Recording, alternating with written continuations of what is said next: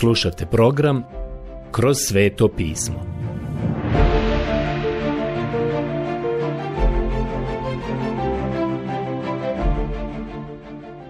Knjiga Poslanica Efežanima Odlomak Poslanica Efežanima Poglavlje 5 od 20. do 31. stiha Zadnji put smo vidjeli naredbu koja je dana vjernicima. To ima veze sa zapovjedi koja se tiče duha svetoga. Ovdje nam je rečeno da trebamo biti ispunjeni duhom sveti. To je zapovjed koja nam je data. Nigdje se ne kaže da se mi sami obnovimo. Rečeno nam je da već jesmo obnovljeni ukoliko vjerujemo Kristu. A svima koji ga primiše dade moć, pravo, da budu djeca Božja, onima koji vjeruju u ime njegovo. Evanđelje po Ivanu 1.12. Čak i onima koji ne čine ništa više niti manje, ali imaju pouzdanje u njegovo ime. U nama prebiva duh Božji, Pavle kaže, a ako tko nema duha Kristova, on nije njegov. Poslanica Rimljanima 8.9. Također, mi smo zapečačeni duhom sveti. Pavle nam u ovoj poslanici govori kako smo to već vidjeli. Zapečačeni ste duhom svetim do dana otkupljenja. Pogledajte poslanicu Efežanima 1.13 i 4.30. Tada smo i kršteni duhom svetim. Pavle je rekao Korinčanima sljedeće. Jer jednim duhom mi smo svi kršteni u jedno tijelo. Prva poslanica Korinčanima 12.13. Ovo su četiri službe duha svetoga koje se događaju u trenutku kada povjerujemo Kristu. Nama je sada zapovjeđeno da budemo ispunjeni duhom sveti. Naređeno nam je da hodamo u duhu. Automobil je možda u dobrom stanju, ali bolje je da ima goriva u rezervoaru, ako će se uopšte voziti. Jednako i mi danas trebamo biti ispunjeni duhom sveti. Prošli put smo vidjeli da će se u životu vjernika koji je ispunjen duhom svetim manifestovati određene stvari. Prije svega, vidjeli smo da će u njegovom životu biti radosti. Govorite među sobom psalmima i hvalospjevima i duhovnim pjesmama. Pjevajte i kličite u svome srcu gospodinu. Poslanica Efežanima 5.19 Zatim će u njegovom životu biti zahvalnosti. To je predivna stvar. Zahvaljujte svagda za sve u imenu gospodina našega Isusa Krista, Bogu i Ocu. Poslanica Efežanima 5.20. Božje dijete ne traži od Boga da bilo šta prokune. Ne bi moglo tako nešto učiniti. Mi njemu samo zahvaljujemo. Hvala mu za sve. To je znak vjernika koji je ispunjen duhom sveti. Sada dolazimo do trećeg znaka ovdje u stihu 21. Pokoravajte se jedan drugome u strahu Kristovu. Poslanica Efežanima 5.21. Ova riječ pokoravajte je veoma zanimljiva riječ. To zapravo ne znači biti poslušan na vojnički način. Dijete Božje nije vojnik sa najnižim činom pa da prima naredbe od nekog u crkvi ko misli da je narednik ili da je kapetan. Niti mi uopšte primamo naredbe od nekoga, ali primamo naredbe od kapetana našeg spasenja.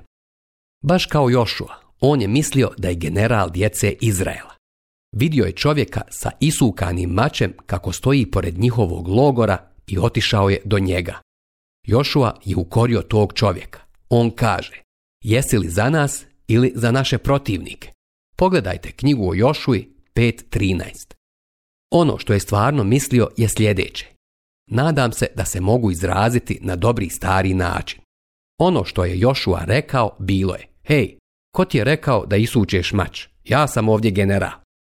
A onda se taj čovjek, ili bolje reći da je to bio pred utjelovljeni Krist, okrenuo i rekao, nisam, nego sam vođa gospodnje vojske. Upravo dođoh. Knjiga o Jošuji 5.14. Jošua je pao na svoje lice, skinuo je cipele. On je bio na svetom tlu. Znate, on je otkrio da ima kapetana. Vi i ja smo danas pod kapetanom i naš odnos nije vojnički. On se temelji na ljubavi. Ako me ljubite, držite moje zapovjedi. Evanđelje po Ivanu 14.15 Ja mislim da postoji alternativa. Ako me ne ljubite, zaboravite moje zapovjedi. Mi ovdje sada vidimo da je jedna od stvari koje on želi da radimo, da se vi i ja pokoravamo jednim drugima. On ne želi da mi pozdravljamo i padamo ničice pred nekim ljudskim bićem i da je čovjek naš narednik ili naš potporučnik. Mi to trebamo činiti u strahu Kristovo. Tako glasi naš prevod. Mislim da je to dobar prevod. U nekim prevodima piše u strahu Božje, ali na kraju krajeva Krist je Bog, pa neću cepidlačiti u ovom trenutku. Šta ovo zapravo znači? Mi trebamo hodati u poniznosti. To je ono sa čime je Pavle i počeo u ovom konkretnom odjeljku. Govorio je o našem hodu. Sjećate se šta nam je govorio o tome kako trebamo hodati. Pavle kaže, on nas moli, a ne zapovjeda. On koristi sljedeće riječi. Molim vas, poslanica Fežanima 4.1. U nekim prevodima piše preklinjem vas. To je jezik ljubavi. Vatra na Sinaju je sada utihnula i sada se to temelji na onome što je učinjeno na Kalvariji. Temelji se na milosti Božjoj. Molim vas dakle ja, sužanj u gospodinu, da živite dostojno zvanja u koje ste pozvani. A kako to? Sa svom poniznošću i krotkošću. Poslanica Efežanima 4, do 2. Taj izraz sa svom poniznošću i krotkošću znači da ne pokušavate voditi crkvu. Ja sam malo umoran kada čujem nekog crkvenog službenika kako kaže ja sam crkveni službenik i imam pravo da kažem neke stvari. O zaista, ko vam je dao pravo da to kažete ili činite? Prijatelji moji dragi, bez razlike kosmo, svi se mi moramo podložiti jedni drugima u strahu Kristovo. To je ono što trebamo učiniti. To nije moj stav, to je odgovor onima koji danas govore. Želim da znate da ću raditi šta ja hoću.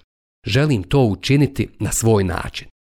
Prijatelji moji, to nije znak vjernika ispunjenog duhom. Zapravo, onaj ko tako govori, on možda i nije vjernik. Biti vjernik ispunjen duhom znači podložiti se jedni drugima u strahu Božijem. Sada dolazimo do sljedećeg stiha koji glasi ovako. Žene neka se pokoravaju svojim muževima kao gospodinu. Poslanica Fežanima 5.22 Ja sam malo istraživao tu riječ pokoravaju i moram vam reći nešto prilično zapanjujuće. Da li ste znali da se u kontekstu odnosa prema ženama riječ pokoravaju ne nalazi u nekim od boljih rukopisa? Nemojte se sada uznemiriti.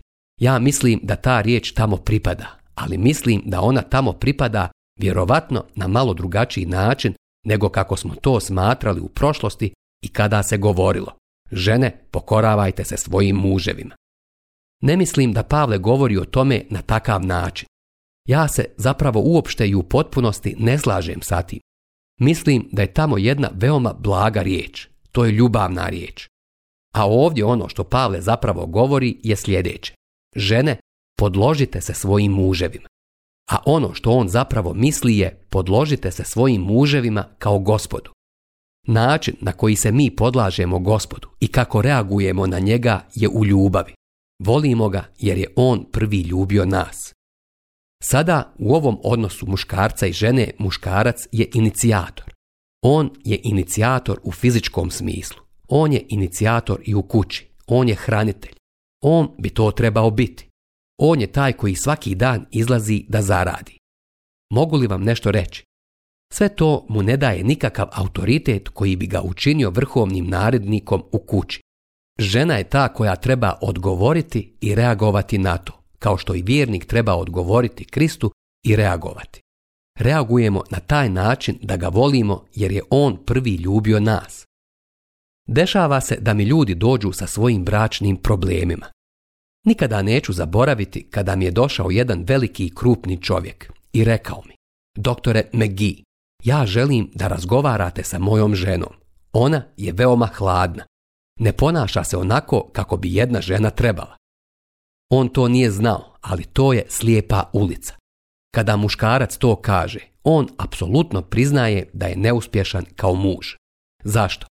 Pa iz vrlo jednostavnog razloga jer joj Bog nikada nije rekao da mu odgovori drugačije osim na takav hladan način. Onda sam ga pitao, da li si joj u posljednje vrijeme rekao da je voliš? Pa ne, ona to zna, rekao je on, ne moram joj to reći. Ja sam mu odvratio, mislim da moraš. Mislim da ti ona ne mora reći da te voli sve dok ti prvi to ne kažeš njoj. Mogu li vam nešto reći?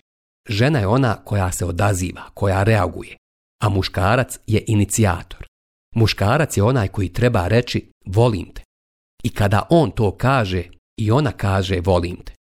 Ni od jedne žene se ne traži da muškarcu kaže volim te, sve dok on ne kaže volim te. A kada muškarac kaže imam hladnu ženu, onda to znači da ona ima hladnog muža. On zapravo nije muž kakav bi trebao biti. On može biti sjajan, veliki, muževan i snažan, kao što je ova izgledao, ali nije bio ništa drugo nego veliki mamin sin. On je očekivao da će ona biti inicijator. Mogu li vam nešto reći? To uopšte nije ženina stvar.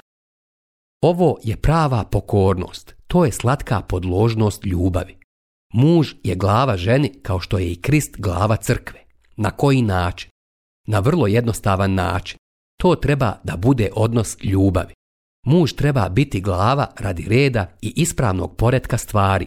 To zapravo možete vidjeti u ovom odjeljku u četiri različita područja. Žene trebaju biti podložne svojim muževima.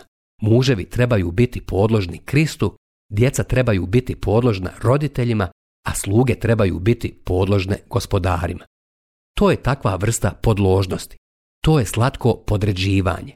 To je voljno podređivanje i to je podređivanje nekome ko vas voli. Sve ovo se bazira na takvom odnosu. Prijatelj, ukoliko u sebi nemate ljubavi, onda ova ideja podložnosti uopšte nije izvodljiva i neće uspjeti bez ljubavi. Dopustite mi da ovu temu razvijem kao što sam i rekao da hoću. Otkrio sam jednu istinu u bračnim savjetovanjima koje sam obavio, a u svoje vrijeme sam ih mnogo radio rekao bih da je 75% greške na strani muškarca. Usput, muškarac je taj koji treba održavati vatru i svjetlo ljubavi. Sjećate se da u pjesmi nad pjesmama mladoženja kaže nevjesti jednu predivnu stvar. Ti si lijepa, ljubavi moja, nema mrlje na tebi. Pogledajte pjesmu nad pjesmama 1.15. A ona onda odgovara i kaže Moj je voljeni moj, a ja sam njegova pjesma nad pjesmama 2.16. Ali kao što vidite, on je prvi to rekao, prvi je izjavio ljubav. Kako je ovo lijep odnos. Ja znam da će neko sada da kaže, pa ti si zaista idealista i vrlo si romantičan u vezi svega ovoga.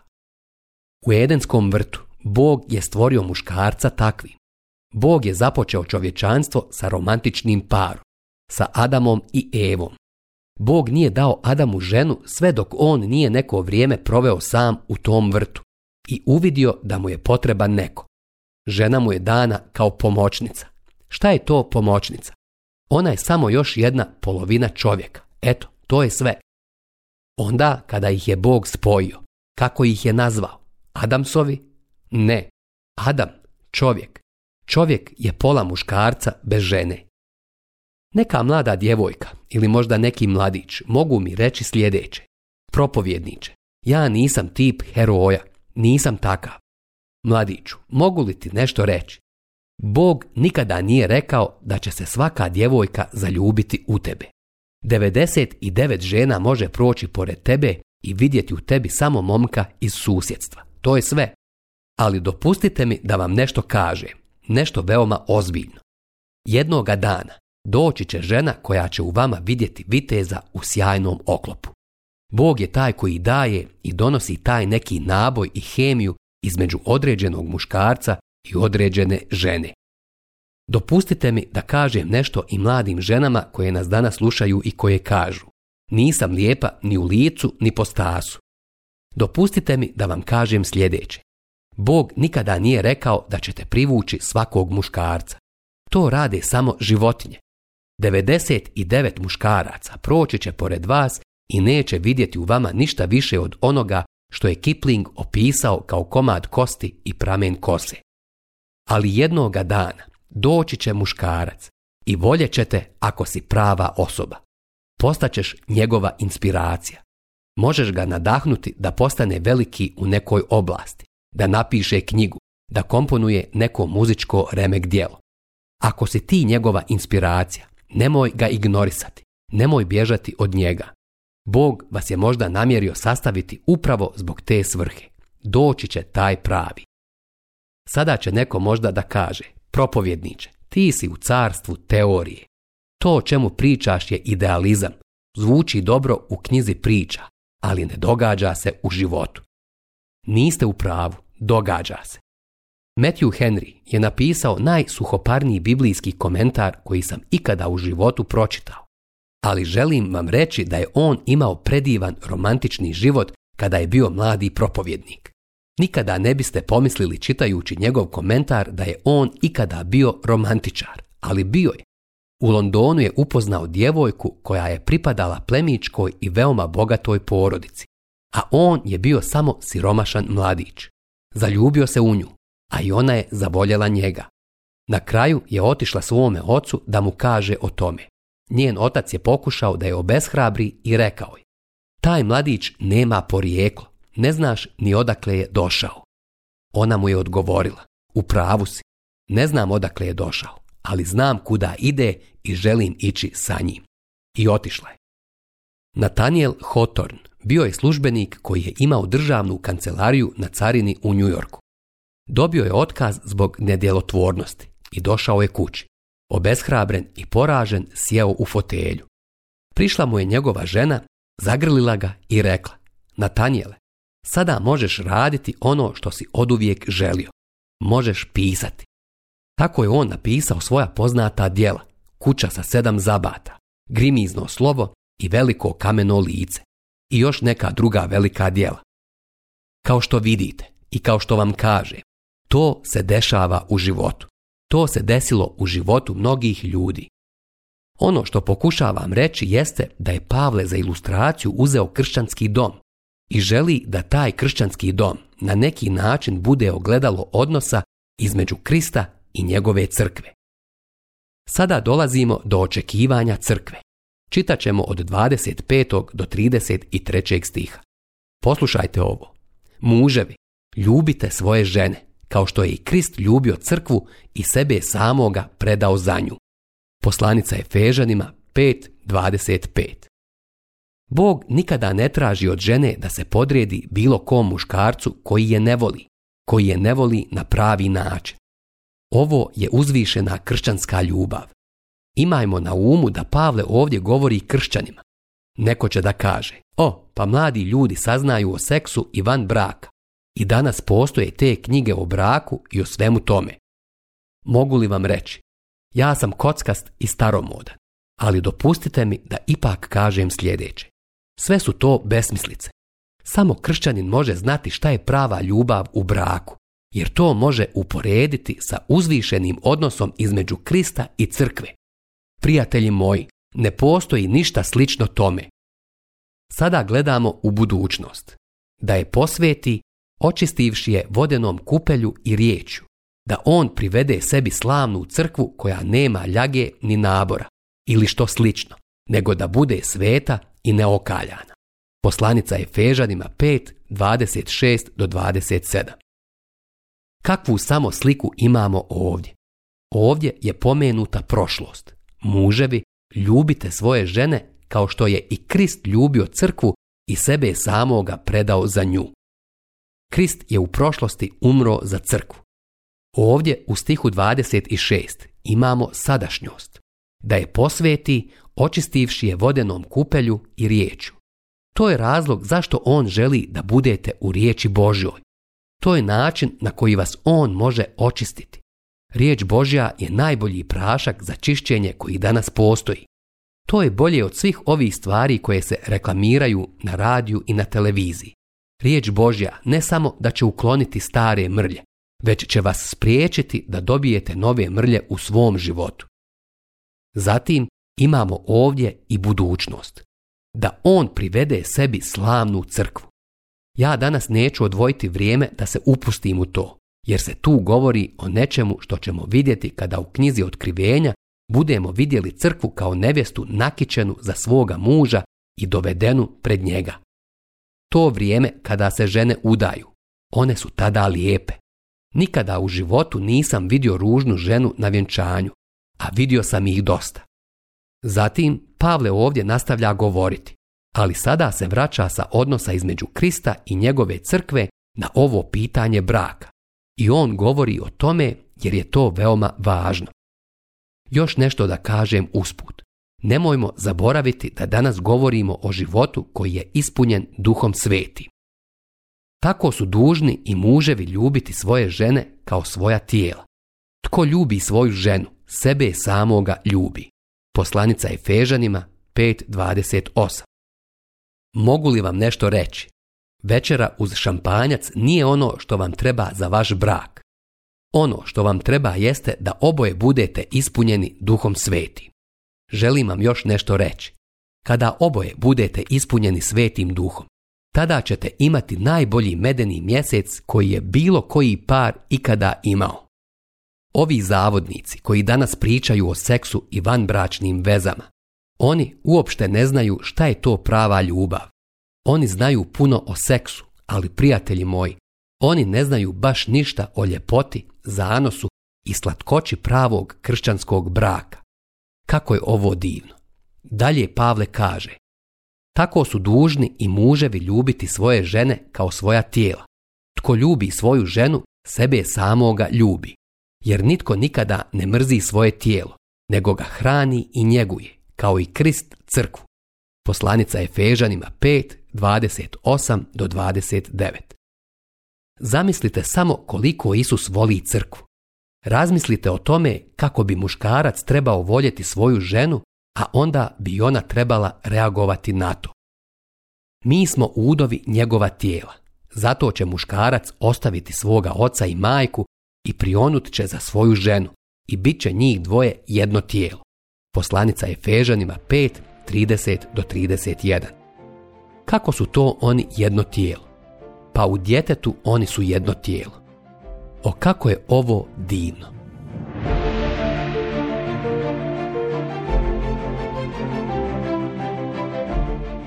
Slušali ste emisiju Kroz sveto pismo. Možete nas slušati i na našem YouTube kanalu, putem mobilne aplikacije, te na svim glavnim podcast platformama kao što su Google, Apple i Spotify. Ako vam se naši programi dopadaju, preporučite ih i podijelite s drugima budite slobodni da ostavite svoj komentar ili nam pišite na našu e-mail adresu kroz svetopismo.bih at gmail.com Zapratite našu stranicu kroz sveto pismo BiH na Facebooku i na Instagramu. Emisije iz ove serije možete pronaći na našoj stranici ttb.twr.org.